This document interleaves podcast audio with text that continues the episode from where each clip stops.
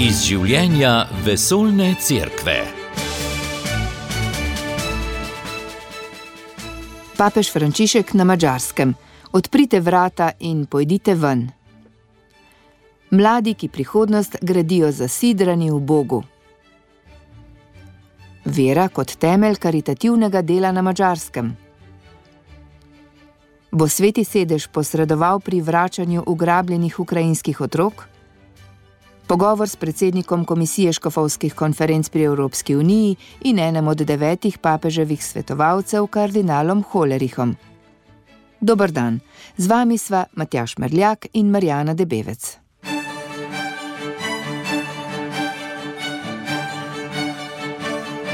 Papež Frančišek je prejšnji petek dopoledne prispel na tridnevni obisk Mačarske. V prvem nagovoru predstavnikom oblasti in diplomatskega zbora je namenil sporočilo celotni Evropi. Papež je k našim sosedom prispel malo po deseti uri dopoledne. Po uvodni slovesnosti se je posebej sestal s predsednico države Katalin Novak in predsednikom vlade Viktorjem Orbanom. Sledilo je srečanje s politiki in člani diplomatskega zbora. Predsednica Novak je na srečanju svetemu očetu zagotovila, da želi Mačarska prispevati k miru v Evropi. Opozorila je tudi, da je nujno potrebna moralna prenova evropskih narodov. Življenje, ki temelji na krščanskih vrednotah, ima prihodnost, je povdarila. Mačarska si zato prizadeva za zaščito zakonske zveze moškega in ženske ter za zaščito človeškega življenja od spočetja naprej je še povdarila predsednica države. Spomnila je tudi na vojno v Ukrajini in povedala, da delajo vse za pomoč beguncem iz te trpeče države. Papež Frančišek je za osrednjo nit svojega razmišljanja vzel mesto Budimpešto, potem ko je orisal bistvene zgodovinske podarke, med katerimi sta tudi komunistični režim in zatiranje judov, je sveti oče Budimpešto označil za mesto mostov. Politike pogosto vodijo le njihovi lastni interesi, vendar pa to ne vodi do miru, je povdaril papež. Evropa naj bi si prizadevala k sprejemanju vseh in nikoli nikogar gledala kot sovražnika. È dunque essenziale ritrovare l'anima europea. Treba je znova najti evropsko dušo.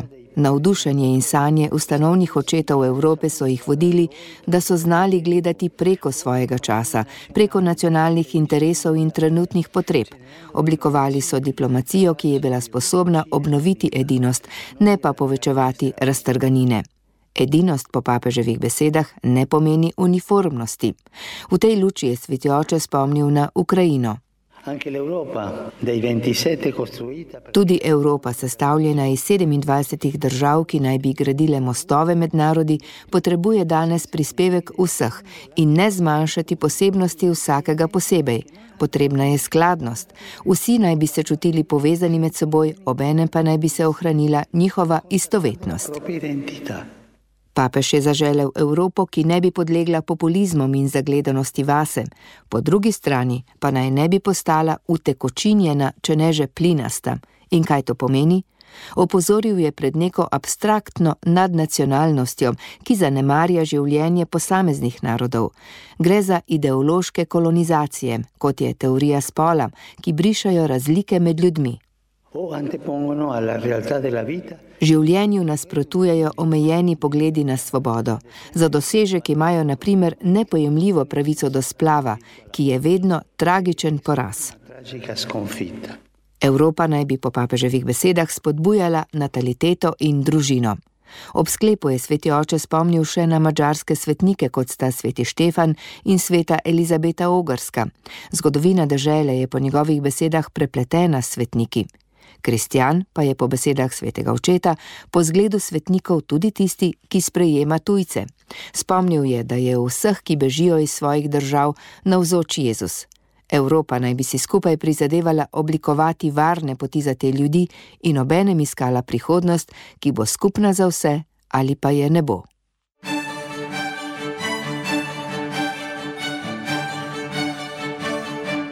Drugo srečanje je papež Frančišek posvetil škofom, duhovnikom, bogoslovcem, posvečenim in delavcem v pastorali.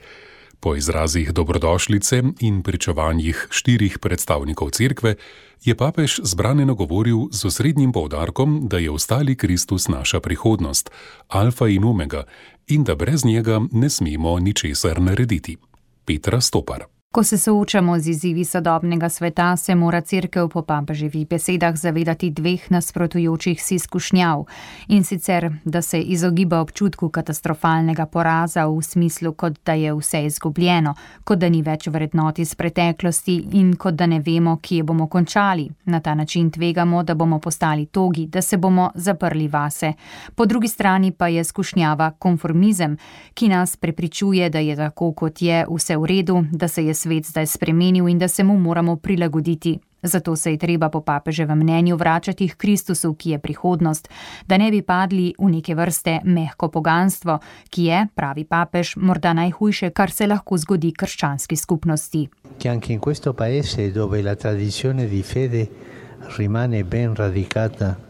Papež je dejal, da se tudi v državah, kot je Mačarska, ki je dobro zakorenjena v veri, širi sekularizem, grožnje integriteti in lepoti družine. Mladi so izpostavljeni načinu življenja, ki ga zaznamujeta materializem in hedonizem, vprašanjem, ki delijo. Tu nastopi tveganje, da bi se kristijani zaprli vase. Toda tudi ta resničnost je priložnost za nas, da se vprašamo, kako na te izzive odgovoriti z evangelijem, da iščemo nove načine, orodja in jezike evangelizacije. Papež se zaveda aktualnih težav, kot so delitve tudi znotraj cerkve na osnovi ideoloških in političnih vprašanj in stisk zaradi pomankanja duhovnih poklicev. Da un lato infatti le esigenze della vita parrocchiale e pastorale sono numerose, ma dall'altro le vocazioni calano. Na eni strani so številne zahteve župnije in pastoralnega življenja, na drugi strani pa poklici upadajo, duhovnikov je malo, mnogi so ostareli in utrujeni. Tako je po vsej Evropi, pri tem pa je pomembno, da se vsi, duhovniki in lajki, počutijo odgovorne za skupnost in njeno osrednje mesto naj bo ob tabernaklju, ne ob računalniku in non dal computer. Je še povedal papež predstavnikom cerkve na mačarskem ter znova sklenil s prošnjo naj molijo tudi zanj.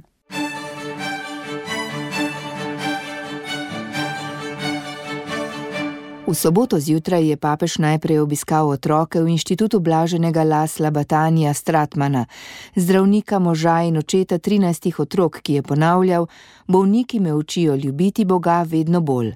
Zdravil je slepe in revne otroke. Inštitut z njegovim imenom je v 80-ih letih prejšnjega stoletja ustanovila sestra Ana Feher, ki so ji rekli tudi mačarska mati Terezija. Zavod sprejema slabovidne otroke in otroke s posebnimi potrebami. Ti otroci in mladi so papežu zapeli nekaj pesmi in mu na to podarili rožni venec, sveti oče pa jim je podaril kip Marije, ki razvezuje vozle. Vesel je bil, da so dan začeli z molitvijo svetega Frančiška, ki je program življenja, saj je v njem svetnik prosi za milost, da bi tja, kjer nekaj manjka, lahko to prinesel. Gre za to, da življenju, kakršno je, pomagamo napredovati, in to je čisti evangelije, dejal sveti oče. Jezus je prišel v svet, kakršen je bil, in ga je peljal naprej, je še dejal Frančišek.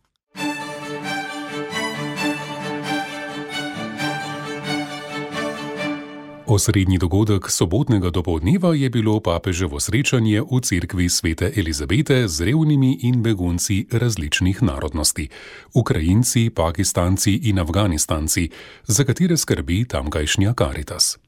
Sveti oče je prisluhnil njihovim pričevanjem in na to povdaril, da so ubogi v središču evangelija. Pred papežem je na srečanju z ubogimi in begunci pričevala mati, ki so ji po ločitvi od nasilnega moža vzeli otroke, ker sama ni imela dohodkov. Ob pomoči grko-katoliške cerkve je uspela najti službo in tako so se k njej vrnili tudi otroci. Toda v njej je ostalo še veliko zagrenjenosti zaradi vsega hudega, kar ji je bilo storjeno. Mir je našla ob hudi bolezni očeta svojih otrok, komu je uspela odpustiti. Sledilo je pričevanje družine petih otrok iz Ukrajine, ki je bila zaradi vojne prisiljena pobegniti iz domačega kraja. Hvaležni so katoličanom na mačarskem, ki so jih sprejeli, pa tudi papežu, ki jih vedno podpira. Dva od otrok sta papežu izvedla ukrajinsko skladbo.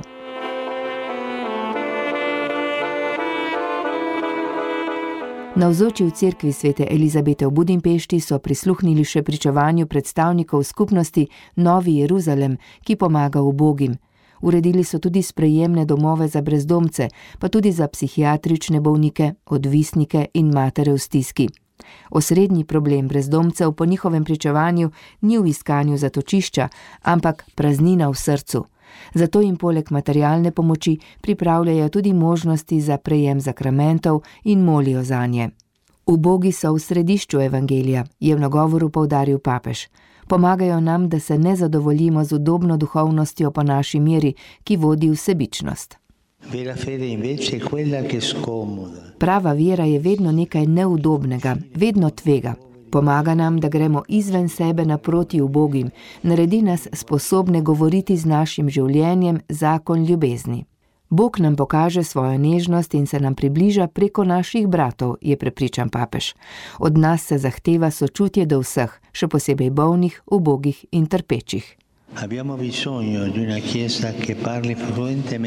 Potrebujemo crkv, ki tekoče govori jezik ljubezni, ki mu vsi prisluhnejo in ga razumejo, tudi najbolj oddaljeni in tudi tisti, ki ne verujejo. Zato se je sveti oče zahvalil crkvi na mačarskem, ki z veliko ljubeznijo sprejema mnoge begunce iz Ukrajine. Prav ljubezen, ki jo okusimo, nam daje upanje, da je drugačna prihodnost mogoča. Ni pa dovolj samo konkretna materialna pomoč. Človek se namreč prenavlja od znotraj, je povdaril sveti oče. Po njegovih besedah je potrebna Jezusova ljubezen, ki človeku pomaga povrniti njegovo lepoto in dostojanstvo. Za ljubezen je treba imeti pogum, pogledati človeka v oči in se ga dotakniti. Ne moreš mu samo oddaleč vreči miloščine, Tako začneš pot skupaj s tem človekom v potrebi. Na tej poti boš razumel, kako zelo tudi ti potrebuješ roko in pogled Gospoda. Govorite vedno jezik ljubezni, je zbrane v cerkvi svete Elizabete še spodbudil papež Frančišek. Na to je z vozičkom odšel med ljudi, ki so ga še dolgo razveseljevali s svojimi pesmimi.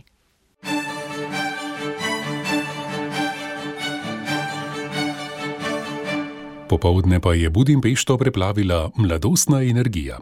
Papež Frančišek se je namreč na največjem stadionu v mestu srečal z več kot 11 tisoč fanti in dekleti z vse Mačarske. Med njimi in mladimi se je spletel topel in iskren dialog. Mladi so papežu pripovedovali o svojem iskanju Boga ter o pristnem srečnem življenju z njim. Sveti oče pa jim je pokazal pot do takšnega življenja preseči lastne interese in kot Jezus služiti svojim bratom. Kdor obupuje nad današnjimi mladimi, bi moral doživeti srečanje papeža z mladimi Mačari na stadionu v Budimpešti. Nekateri med njimi so v ozračju globoke zbranosti in po drugi strani velikega življenjskega navdušenja pričevali o svojih iskanjih, življenju v različnih okoljih ter odkritju, da je Bog vedno z njimi, da se lahko zanesejo na njega in da jih vedno ljubi. In prav ljubezenska zgodba mladih z Jezusom bi lahko bil naslov tega izjemnega dogodka.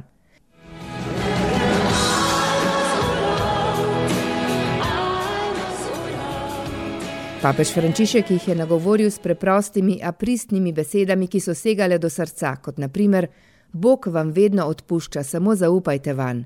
Ciljajte visoko in se ne zadovoljite s povprečnim življenjem. Če imaš nek talent, ga razvijaj, če čutiš privlačnost imeti veliko družino, jo ustvari, če želiš pomagati drugim, se ne obotavljaj. Ves čas njegovega nagovora so ga mladi spodbujali z navdušenim ploskanjem in pritarjevali njegovim spodbudam. Mladost je čas velikih vprašanj in Jezus je znal dobro postavljati vprašanja. Faccio una domanda, ma Zdaj vam bom tudi jaz postavil vprašanje in vsak naj v tišini odgovori v svojem srcu. Moje vprašanje je, kaj iščete v svojem življenju, kaj iščete v vaših srcih? Jezus v svojem življenju ni veliko pridigal, ampak je hodil z ljudmi, s tistimi preprostimi, ki delajo napake, kot jih delamo mi. Ni iskal nekih izjemnih ljudi in tako dela tudi z nami sprejema in ljubi nas v tem trenutku, takšne, kot smo zdaj, je dejal sveti oče. In še pred nečem jih je opozoril.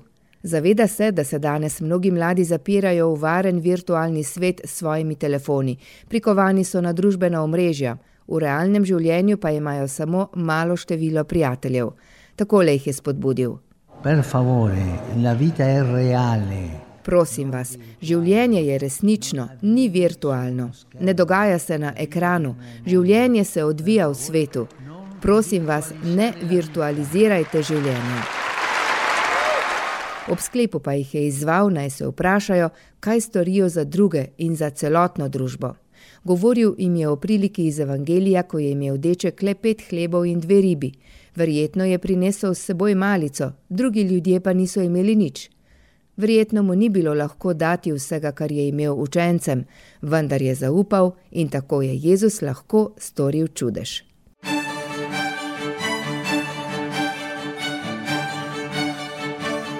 V nedeljo se je na trgu Košut Lajoš pred mačarskim parlamentom pri maši papeža Frančiška zbralo več kot 50 tisoč vernikov, ekumenske delegacije, civilne oblasti in predstavniki judovske skupnosti. Navzoči so bili tudi slovenci in mačari iz Lendave, ki so tja prišli z avtobusom in veseli slišali prošnjo za vse potrebe v slovenskem jeziku. Papež je v pridigi slikovito uporabil simbol vrat in vse povabil naj bodo kot Jezus, ki nikomor ni zaprl vrat pred nosom in je vsakemu omogočil izkustvo božje ljubezni. Mašo je spremljala Meta Potočnik. Na trgu so v prvih vrstah sedeli mačarska predsednica Katalin Novak, predsednik vlade Viktor Orban in tudi pravoslavni metropolit Hilarion, s katerim se je papež včeraj zasebno srečal na nuncijaturi. Navzoči so bili škofje in duhovniki, redovniki in laiki, večinoma ženske, nekatere oblečene v čudovita tradicionalna oblačila. Papež je najprej opozoril na edinost vseh v Kristusu.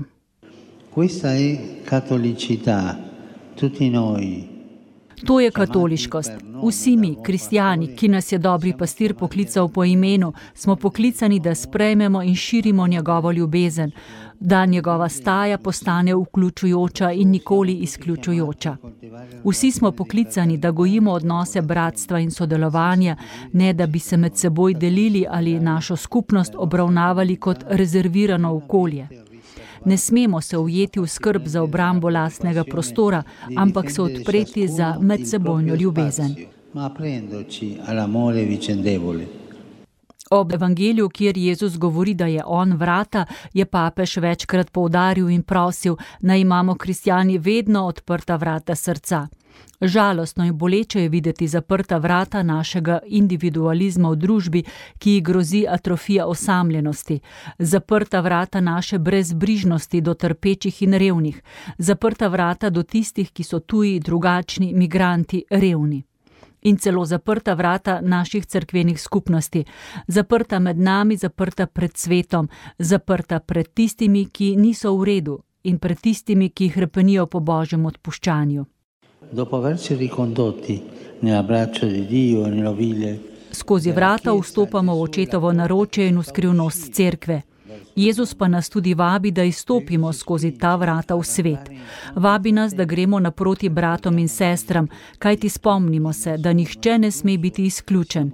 Jezus nas kliče, da pogumno izstopimo iz našega obdobja k tistim, ki so zunaj in na obrobju in potrebujejo luč evangelija. Ob sklepu nagovora se je papež obrnil na škofe in duhovnike. Ripeto questo soprattutto a me stesso, ai fratelli vescovi, ai sacerdoti, a noi. Na nas pastirje. Pastir ni razbojnik ali tat, to pomeni, da ne izkorišča svoje vloge, ne zatira zaupanemu črede, ne krade prostora bratom laikom, ne izvaja toge avtoritete. Spodbujajmo se, da bomo vedno bolj odprta vrata, pospeševalci božje milosti, strokovnjaki za bližino, pripravljeni ponuditi svoje življenje kot Jezus Kristus, naš Gospod. Podobno vabilo je namenil laikom, katehetom in pastoralnim delavcem, tistim, ki imajo politično in družbeno odgovornost, pa tudi tistim, ki preprosto živijo svoje vsakdanje življenje. Bodite odprta vrata drug do drugega, to bo pomagalo rasti mačarski v miru. Vi porto nel cuore e vi chiedo di pregare per me. Iste nas meg amagiart.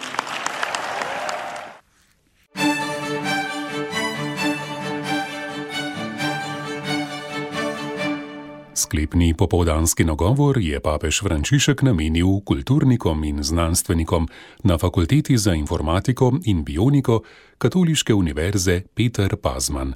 Na letalu pa je odgovarjal med drugim na vprašanja o vračanju ukrajinskih otrok iz Rusije in vprašanju odnosa Evropske unije do migrantov. Tudi o tem Meta Potočnik. V svojem uvodu je papež razmišljal o besedi kultura, ki izhaja iz glagola kultivirati. Kdor ljubi kulturo, nikoli ne čuti, da bi že vse dosegel ali da je vse postavljeno na svoje mesto, ampak v sebi nosi zdrav nemir. Išče, sprašuje, tvega in raziskuje. Zna izstopati iz lastnih gotovosti in se ponižno podati v skrivnost življenja. V svoji misli o tehniki in človeku se je naslovnil na velikega teologa in človeka globoke vere Romana Guardinija, ki tehnike ne demonizira, saj nam omogoča, da bolje živimo. Opaža pa nevarnost, da bi ta lahko ravnavala življenje ali celo gospodovala nad človekom. Človek izgubi vse notranje vezi, ki mu dajejo celovit občutek za mero in oblike izražanja v harmoniji z naravo. In medtem ko je v svoji notranji biti postal brez obrisov, brez mere, brez smeri, samovoljno določa svoje cilje in primora sile narave, ki jih obvladuje, da jih uresničujejo in tistim, ki so živeli za njim, je zapustil vznemirjajoče vprašanje: kaj se bo zgodilo življenjem, če se bo končalo potem jarmom? Kaj se bo zgodilo, ko se bomo znašli pred prevladojočimi imperativi tehnike? Življenje je že ukvirjeno v sistem strojev. Ali lahko v takšnem sistemu življenja ostane živo? Pri tem je papež opozoril na ekološko krizo in predvsem na pomankanje omejitev oziroma logiko, ki pravi, lahko se naredi, torej je dovoljeno. Kot odgovor na te nevarnosti je papež postavil vlogo univerze, ki je nekakšno svetišče, v katerem je znanje poklicano, da se osvobaja oskih meja imetja in posedovanja, da bi postalo kultura. V vsakem pravem znanstveniku je nekaj pismouka, duhovnika, preroka in mistika, ter da s pomočjo znanosti ne želimo samo razumeti, ampak tudi storiti to, kar je prav, to je zgraditi človeško in solidarno civilizacijo. S ponižnim srcem se lahko povspnemo ne le na gospodovo goro, ampak tudi na goro znanosti. Na letalu je papež kot ponavadi odgovarjal na vprašanja novinarjev. Glede migracij je bil jasen. To je težava, s katero se mora soočiti celotna Evropska unija. Pri tem je opozoril na premajhno rodnost evropskih držav, na kar že opozarjajo tudi nekatere vlade. Primer. Povprečna starost v Italiji je že 46 let, v Španiji je še višja in vedno več je zapuščenih vasi. Tem državam z nizko stopnjo rodnosti lahko pomaga tudi migracijski program, vendar mora biti dobro izpeljan po vzoru nekaterih držav. Znano je tudi, da je predsednik Volodimir Zelenski papeža prosil za pomoč pri vrnitvi prisilno odpeljanih otrok v Rusijo. Na vprašanje o tem je odgovoril. Mislim, da je to mogoče, saj je sveti sedež že posredoval v nekaterih primerjih izmenjave zapornikov. To je pravično in moramo pomagati. Razmišljam tudi o ženskah, ki prihajajo v naše države z otroki, njihovi možje pa so bodi si mrtvi ali v vojni. Ko navdušenje upade, te ženske hitro ostanejo brez zaščite in v nevarnosti trgovine z ljudmi, zato moramo še naprej skrbeti za te begunce. Tako je papež Frančišek sklenil svoje 41. apostolsko potovanje. Čeprav je sinoda o sinodalnosti nedvomno največji dogodek vesolne cerkve po drugem vatikanskem koncilu, ji le redki morda sledijo v celoti. Njen glavni poročevalec, kardinal Jean-Claude Oleriš, ki je tudi eden od devetih svetovalcev papeža Frančiška, je za hrvaški katoliški tednik Glas koncila odprto spregovoril o svojem pogledu na nemško sinodalno pot, o sinodi nasploh, komentiral pa je tudi izzive cerkve. Kardinal Oleriš je tudi predsednik komisije komisije škofovskih konferenc pri Evropski uniji, zato bo njegov pogled zanimiv pred dnevom Evrope. Vabljeni k poslušanju prevoda pogovora, ki ga bo z menoj bral Matjaš Merljak. Vaša eminenca, papež Frančišek vas je nedavno imenoval v svet kardinalov. Kako vidite to izbiro in vlogo tega sveta v papeževem razmišljanju? Novica o imenovanju me je zajela na sinodalni skupščini v Etiopiji. in me presenetila. Počutim se zelo počaščenega, da sem med ljudmi, ki jih želi sveti oče vprašati za nasvet, vendar to niso ljudje, ki imajo večji vpliv v cerkvi. Papežu lahko svetujemo, vendar bo na koncu naredil, kot se bo on odločil. Vse več jezuitov obkroža prvega jezuitskega papeža v Vatikanu. Kaj taka prisotnost duhovnosti svetega Ignacija prinaša vesoljni cerkvi? Zagotovo je razločevanje še toliko bolj poudarjeno, tudi razločevanje ni le jezuitsko, lahko se imenuje z različnimi imeni ali različno poudarjeno. Še vedno obstaja razločevanje v vseh duhovnostih cerkve, ker je to delo svetega duha. To ustrajanje pri razločevanju pomeni, da postaja delovanje svetega duha v cerkvi pomembnejše in nas med drugim zbližuje s pravoslavnimi brati in sestrami. Kako je tako? Pravoslavni kristijani nenehno ugovarjajo, da smo katoličani preveč kristocentrični. Ampak ali ni to pozitivno? Seveda bi morali biti osredotočeni na Kristusa, tudi ob pogovoru z mladimi duhovniki in bogoslovci hitro opazimo, da se o trojici veliko naučijo v teologiji, vendar le malo vpliva na njihovo duhovno življenje, za razliko od življenja naših svetnikov. Prenovljena zavest, da Bog je Oče, Sin in Sveti Duh, morajo biti prepoznavni znak današnjega krščanskega duha, zlasti v luči velikih preseljevanj muslimanskih ljudstev na zahod. Veliko krat ste omenili svetega duha v homiliji, ki je odprla celinsko sinodo v Addis Abebi. Toda kako smo lahko prepričani o njegovi upletenosti v sinodo? Sveti duh je tisti, ki združuje karizmo in hierarhijo v osebi Petrovega naslednika. Zato sem prepričan, da če papež pokaže smer, mora to smer ubrati crkv. In papež je pokazal v sinodalno smer. Ali ni sinodalni način pravo nasprotje papeža, da nekaj sam odloči? Sinodalnost ne nadomešča Petrove službe in ne nadomešča vloge škofov, vendar so vsi krščani božji sinovi in hčere, vsi krščani so posinovljeni Kristusovi bratje in sestre. Zato po njih nedvomno govori Sveti Duh. To je naš temelj za razločevanje in od njega se ne moremo odmakniti samo zato, ker nam morda ni všeč. Lahko pa gremo še dlje. Kadar se motimo, to kaže na pomankanje duha. Ali lahko navedete primer? Frančišek Ksaver, Ignacij Lojolski in Peter Faber, vsi prvi tovariši družbe Jezusove, so se v Parizu zaobljubili v boštvu, čistosti in odhodu v sveto deželo. Če bi se sveta dežela izkazala za nedosegljivo, so se zaobljubili, da bodo šli v Rim. V sveto deželo takrat ni bilo mogoče, zato so šli v Rim in tako je nastala družba Jezusova. Željo, ki so jo imeli, je navdihnil sveti duh, vendar je imela drugačen obseg. Za vsa dejanja duha je potrebno veliko časa, saj jih ne razumemo takoj. Beseda, ki ste jo pravkar uporabili na mesto veren, krščen, se nam ne zdi naključna. Ja, ne merim samo na katoličane, ampak na vse krščene. V cerkvi gojimo teologijo osredotočeno na občestvo, ki se izraža zlasti v prejemanju obhajila v sveti Euharistiji. Ta euharistični duh je tudi razlog, zakaj je prva razsežnost sinode občestvo. Vendar je krst temeljni sakrament, iz katerega izhajajo vsi sakramenti. To je tisto, kar mislimo, ko v veroizpovedi izpovedujemo, da verujemo v en krst kaj ta krstna perspektiva pomeni za sinodalno pot. To pomeni, da bi nam morala sinoda pomagati občutiti se nepopolne. Doživeti moramo bolečo ločitev od ostalih naših krščenih bratov in sester. Zato bomo imeli na začetku sinodalnega zasedanja v Rimu tezejski trenutek, ko se bodo papežu v molitvi pridružili carigrajski patriarh in drugi krščanski voditelji. To je prvič, da bo Petrov naslednik pozval druge kristijane naj molijo za sinodo katoliške cerkve. Sam papež je pred kratkim v svojem opodanskem nagovoru pozval k molitvi Gospodu, naj nam da moč za jok, ali naj si iz teh besed ne prizadevamo za več kot za jokajoče občestvo z drugimi kristijani. Je skupna molitev dovolj? Ne, ni dovolj. Toda skupna molitev je tisto, kar nam bo dalo močan občutek, da to ni dovolj, da si moramo prizadevati za edinost. Dikasteri za pospeševanje edinosti kristjanov je v tem pogledu opravil čudovito delo.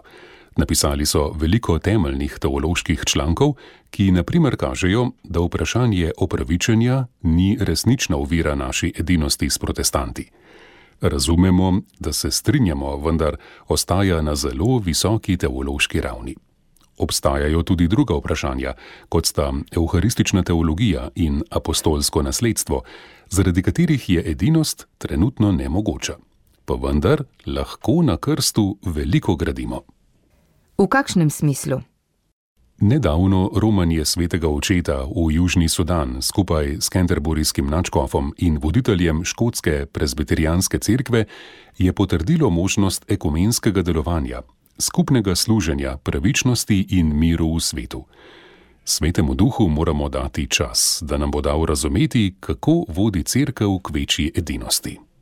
Ker se celinska faza sinode bliža koncu, želimo ponovno opozoriti na besede, ki ste jih izrekli pred celinsko skupščino sinode v Evropi. Krščanska Evropa je preteklost. Ste to rekli z nekakšnim veseljem? Ne zato, ker je to preteklost, ampak ker še danes zaznavam božje delovanje v Evropi. To me veseli. Ali se ne bi morali boriti za naše krščansko izročilo v Evropi? Odvisno od tega, kaj razumete pod bojem. Krščanska tradicija Evrope je ogromna in moramo jo ceniti. Toda tradicija je nekaj, kar se odvija vse čas. Papež Frančišek nas opozarja, da je tradicija tista, ki nam pomaga inkulturirati vero v novi svet. Če tradicijo obravnavamo kot stvar preteklosti, zgrešimo sedanjost. Če zgrešimo sedanjost, se ne moremo pripraviti na prihodnost ne moremo preprosto delati politike obnove katoliške Evrope. Ne bo delovalo. Toda, kaj nam potem preostane? Zaznati moramo prisotnost Boga v današnjem svetu. Ko odkrijemo Boga zunaj cerkve, se moramo veseliti. To pomeni, da se naša tradicija nadaljuje. Vendar je naša tradicija še vedno pretežno katoliška. V primerjavi z drugimi evropskimi državami je Hrvaška še vedno zelo katoliška država. Toda moja domovina, Luksemburg, je bila včasih podobna Irski. Ni bila samo krščanska, ampak globoko katoliška. Protestantizem sem poznal samo iz zgodovinskih knjig, ker v otroštvu nisem nikoli srečal protestanta. Po prvi uri v naši ljudski šoli smo šli v cerkev k maši. Takšnih stvari si danes v Luksemburgu, pa tudi v Evropi, ni mogoče zamisliti. Razvoj je potekal zelo hitro. Na Hrvaškem bi te primere morali prepoznati kot opozorilo, da se pripravite na takšno spremembo. In prav v tej pripravi boste morda odkrili novo veselje, predvsem v vaših mladih in otrocih. Ali ni sprememba, o kateri govorite, ravno posledica tega, da se je crkva odrekla svojemu izročilu? Ne, crkva se je vedno borila proti temu. Ko sem bil otrok, je župnik v naši župniji več ali manj odraslim govoril predvsem to, koga naj volijo na volitvah. Veliko ljudi se je usmerilo proti cerkvi, ker je bila preveč dominantna. Na njo so gledali kot na diktaturo, ki želi uveljaviti svoje položaje v družbi. Danes sta cerkev in država v Luksemburgu ločeni, Ločitev je na nek način prizadela crkv, na druge načine pa ji je prinesla veliko dobrega. Naprimer? Danes imamo dobre odnose prav s tistimi političnimi strankami, ki so prej sovražile crkv. Ne strinjamo pa se v vseh točkah. In kako je z negativnimi posledicami? Na Hrvaškem imate še možnost, da je stranka, ki se imenuje krščanska, krščanska. V Luksemburgu temu ni več tako. Krščanske stranke niso nič bolj krščanske od drugih, ne glede na ime. Kako si lahko kristjan in podpiraš pravico do splava? Tega ne morem razumeti. Tudi na Hrvaškem je problematika splava zelo pomembna. Kljub krščanski večini imamo še vedno zelo permisiven zakon o splavu, ki se je izkazal kot odskočna deska za vse stranke na Hrvaškem. Radi bi slišali pogled na to od nekoga, ki se je kot misionar soočal s problemi širšimi od vprašanj Zahodne Evrope. Če se izrazimo s termini iz Evangelija, ali bi morala crkva v sodobni razpravi o splavu sebe imeti za močnega človeka ali usmiljenega Samarijana. Samarijanska pot je bila vedno prednostna naloga cerkve. Cerkveni očetje, ki so to priliko razlagali, so dobro razumeli, da je usmiljeni Samarijan Kristus sam. V svojem načinu življenja smo ranjeni in Kristus skrbi za naše rane. Če želimo biti podobni Kristusu, moramo storiti enako. Oznanjati moramo evangeliji, neposredno oznanjati Kristusa, mrtvega in ustalega za nas. Vendar bodo ljudje to razumeli le, če postanemo dobri samarijani v službi sveta. Sicer pa je to samo teorija in ljudje ne verjamejo več teorijam. Cerkev uči, da je splav velik greh, vendar se v praktičnem boju proti splavu borijo predvsem laiki. Ali lahko odločnejše delovanje cerkvene hierarhije prispeva k izkoreninjenju splava? Splava uradna stališča cerkve ne bodo ustavila. Moramo biti proti splavu, vendar bi ob tem spodbujal pravočasno svetovanje ženskam, da bi lahko premislile svojo odločitev. Poleg tega so bili zgodovinski zakoni proti splavu pogosto usmerjeni neposredno proti ženskam in ne proti njihovim staršem ali partnerjem, ki so jih silili k splavu. Do žensk moramo biti pravični in poskrbeti moramo, da bodo ljudje razumeli, da je crkav za življenje v pravem pomenu besede. Smo za življenje, skrbimo za nerojene otroke. Smo za življenje, skrbimo za ljudi, ki živijo v revščini smo pro-life, skrbimo za invalide, bolne in umirajoče. Smo za življenje, skrbimo za dostojno življenje ljudi, ki se družbi ne zdijo več koristni. Ob tem nam pride na misel nemška sinodalna pot. Ali nas je nemški primer odvrnil od pogleda na pravi pomen sinode? Zdi se, da se je skupna hoja v posamezni veri spremenila v pogovor o posameznih prepričanjih, Sedenje in govorjenje ustvarja sinodo samo takrat, ko govorimo o potovanju. V nasprotnem primeru pride do vojne konceptov. Papež ima dve glavni kritiki nemške sinodalne poti. Prvi je ta, da ne raste od korenin navzgor. Namesto tega imate katoličane v združenjih, ki spominjajo na sindikate. To se močno razlikuje od videnja božjega ljudstva, zlasti od tistega, ki ga je sveti oče doživel v Južni Ameriki. Drugi ugovor je, da ni iskanja poslanstva. Cerkev v Nemčiji je zaposlena sama sabo in svojimi strukturami. To ni cerkev, ki bi služila svetu, ampak sama sebi in daje malo prostora svetemu duhu. In veste, kaj pravi papež Frančišek o binkoštih? Na kaj ciljate? Binkošti so se zdele kot velika zmešnjava. Ljudje so celo mislili, da so bili apostoli pijani. Šele na to se je vzpostavila harmonija. Sveti duh včasih ustvari veliko zmedo, da bi prinesel novo harmonijo. Toda v Nemčiji manjka harmonije. Med škofi vlada konfrontacija med manjšino in večino brez pripravljenosti na kompromis. V sinodi nikoli ne sme biti zmagoslavne večine in ranjene manjšine. Ali crkv dopušča škandalozne izjave nemške sinode zato, da bi preprečila razkol? Ne mislim tako. Če govorite o razkolu, ga izovete. Ne bi smeli govoriti o tem, ampak skrbeti, moliti in razmišljati o tem, kako bi lahko ustvarili večjo edinost s crkvijo v Nemčiji.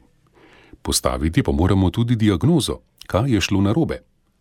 Nekatere cerkve v Evropi so preveč nacionalne. Če so škofovske konference preprosto nacionalne, se začnejo cerkve usmerjati samo vase, čeprav so ista cerkev. Mislim, da ljudje v Luksemburgu, Švici in Avstriji razmišljajo enako kot Nemci, vendar so še daleč od tega, da razmišljajo črno-belo, za razliko od Nemčije. Nacionalne konference so dobre in potrebne vendar moramo najti način, kako jih dopolniti. regionalne konference ali prečkanje meja metropolitanskih sedežev so lahko odgovor. Zdravo je razumeti svoje razlike v dialogu s sosedi. Omenili ste Binkošti kot praobraz sinodalne cerkve. Ob zaključku Azijsko-celinskega sinodalnega zbora ste celo rekli, da je sinodalni pogled na stvarjenje človeka tak, da je Bog ustvaril človeštvo in ne moškega in ženske. Ko pa se drugič zgodi nekaj podobnega kot na Binkošti, se to zgodi družini, družini stotnika Kornelija. Ali lahko ločimo dobro družine in dobro človeštva? Ne. Rad imam družino, vendar me skrbi individualizem. Na Zahodu imamo zelo personalistično razlago stvarjenja. V Evropi, ki postaja vse bolj individualistična, lahko zgolj personalistična razlaga postane nekoliko oska, samo Bog in jaz. Bog ni ustvaril samo mene, ustvaril je nas. Binkošti nam kažejo, da je Bog nekaj ciljal na več kot le na družino ali ljudi. Ta potreba po širšem pogledu je še posebej očitna v Aziji, tudi v načinu, kako so izvedli svojo celinsko zasedanje. Ko se je bilo treba odločiti o določenem amantmaju, so ljudje iz različnih držav sedli za mizo in ustrajali skupaj toliko časa, da se je celotno omizje strinjalo. To v Evropi nikoli ne bi delovalo. Azija ima krščansko kulturo, ki se razlikuje od evropske in odpira nam oči, da razumemo, da naš način gledanja na stvari ni edini. Bilo bi neumno misliti tako. Vaše imenovanje v svet kardinalov, vaša vloga v sinodi, imenovanje za kardinala, zdi se, da ste oseba, ki ji papež zaupa. Vendar ni skrivnost, da imajo mnogi katoličani, milo rečeno, težave z zaupanjem v smer, v katero papež vodi crkv. Ali smo lahko zvesti crkvi, ne da bi zaupali njenemu pastirju? Zelo težko je biti katoličan brez poslušnosti papežu. Nekateri zelo konzervativni ljudje so vedno pridigali o poslušnosti papežu, dokler je papež govoril stvari, ki so jih želeli slišati. Papež govori stvari, ki so tudi zame težke, a jih vidim kot priložnost za spreobrnjenje, da postanem vernejši in srečnejši kristjan. Nedavno ste bili ponovno izvoljeni za predsednika Mednarodnega združenja ministrantov. Pred kratkim ste oltarne strežnike poimenovali posebne Kristusove priče. Ali niso tudi posebne priče zlorab? Spolna zloraba je grozna, še več, je hudičevo delo.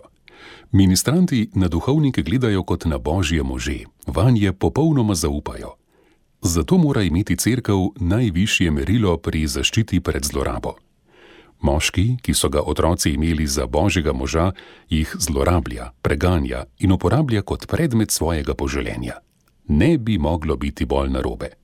To je popolno nasprotje vseh vrednot, o katerih pridigamo. To moramo priznati in se oddolžiti, pa tudi pokazati vsakemu drugačno crkv, kjer so take stvari nemogoče. Ko ste govorili o zlorabah, ste v nedavnem intervjuju za La Croix dejali, da bi se navzočnost žensk pripomogla k temu, da bi se izognili številnim težavam. Kje vidite pomankanje ženske navzočnosti v cerkvi? Poudarjal sem, da če je v cerkvi spolni plenilec, ga bodo ženske opazile hitreje kot moški. Družba brez žensk ni zdrava. Moški se na to navadijo in razvijajo določena negativna stališča do žensk to je klerikalizem. Jezus nikoli ni pripovedoval šal o ženskah. Ženske so se ob njem počutile ljubljene, zato so mu sledile kamorkoli je šel. Ženske se morajo počutiti dobrodošle v cerkvi, ne le pri pripravi obrokov in čiščenju cerkva, ampak tudi pri sprejemanju odločitev in prevzemanju odgovornosti. S tem pa ne mislim na duhovništvo. Kaj potem mislite? V moji škofiji vodi vso formacijo ženska in to odlično upravlja. Zaupal sem ji tudi, da nagovarja romarje v naši stolnici, povsem v skladu s crkvenim pravom, ker je izven maše.